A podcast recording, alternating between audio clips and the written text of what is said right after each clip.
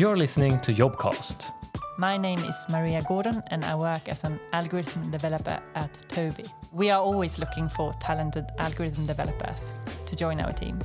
So Tobii is an eye tracking company and we do cameras that look on people's eyes and calculate where they are looking at usually a screen.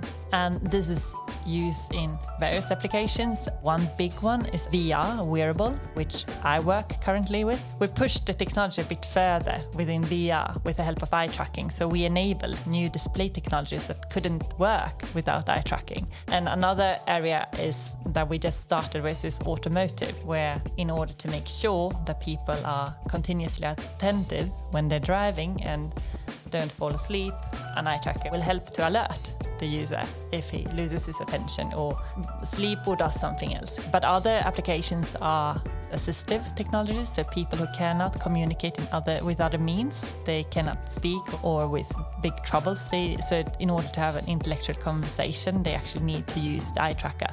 My daily work consists mostly of computer vision tasks and also partly machine learning, quite a lot of machine learning.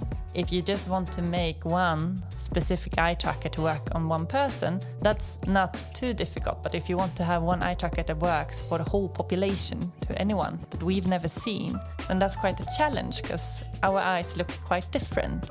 Why should you work at Tobii? I think definitely that one thing is there is a greater mission than just pushing the technology forward, but also there's a lot of respect to people's private life. So you really get to balance, have a good balance with work life balance, and that's important in the end.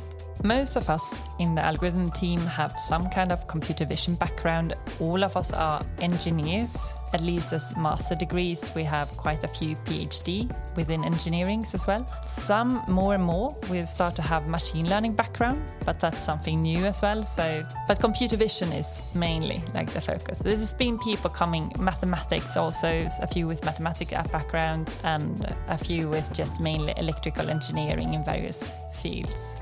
Well, if you find that this sounds like fun and interesting and might be something for you, then don't hesitate to give us a call. On our website, there's always ways to, even if you don't find a position that you think is a match for you, then there's always an open position that you can apply on. And please do and join us. We have a lot of fun and it's a really nice place to be at.